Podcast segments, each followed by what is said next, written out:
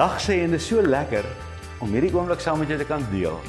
En ek wil vandag praat oor 'n vraag wat baie mense my vra en dit is is daar 'n antwoord vir elke probleem? Nou baie jare terug, toe my lewe een net een groot probleem was, al wat ek kon sien is wat sleg is in my lewe. Al wat ek kon sien is ek het 'n donker gat voor my. Al wat ek kon sien is ek het my hoop verloor. Toe het iemand in my lewe ingespreek en waarskynlik een van die belangrikste lesse in my lewe was wat daardie persoon gesê het op daardie naweek.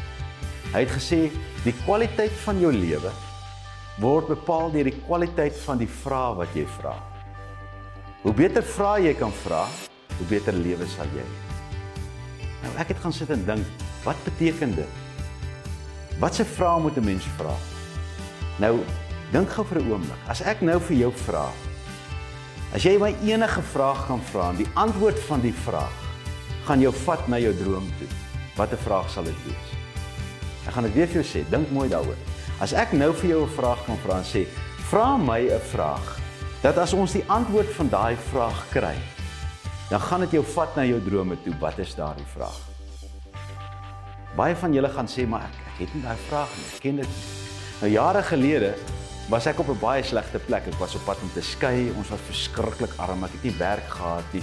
Ek het net hierdie donker gat voor my gesien. Toe sê iemand vir my: "Vra goeie vraag, want in elke vraag is 'n antwoord. Daar's geen vraag wat geen antwoord het." Maar die meeste van ons vra slegte vrae en daarom kry ons slegte antwoorde en daai slegte vraag vat ons dieper in die gat af.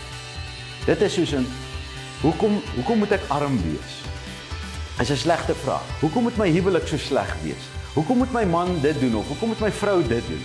As jy daai vraag vra, dan beteken dit jy gaan soek na 'n probleem. En hier is die sleutel. Wanneer jy 'n vraag vra, moet jou vraag gemik wees op die oplossing. Nou ek gaan vir jou baie goeie voorbeeld gee. Jare terug, toe my huwelik uitmekaar val, ek het nie geweet hoe gaan ek saam met hierdie vrou 'n lewe deurbring nie. Ons was op pad om te skei toe daai ou ons gesê, skryf nou 'n vraag neer dat as jy die antwoord van daai vraag kry, gaan dit jou hele toekoms verander. Ek kan onthou ek het daar gesit, skryf dit neer. Wat moet ek doen om my huwelik te red? Ek dink gou mooi.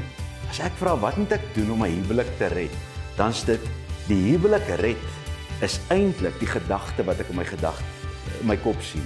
'n Huwelik wat gered is. As ek sê, wat moet ek doen om uit hierdie slegte huwelik uit te kom? Dan beteken dit ek sien 'n probleem. Nou dis 'n baie fyn lyn en jy moet baie mooi dink oor die vraag wat jy vra. Wat moet ek doen om op te hou arm wees? Waar fokus jy? Jy fokus op armoede.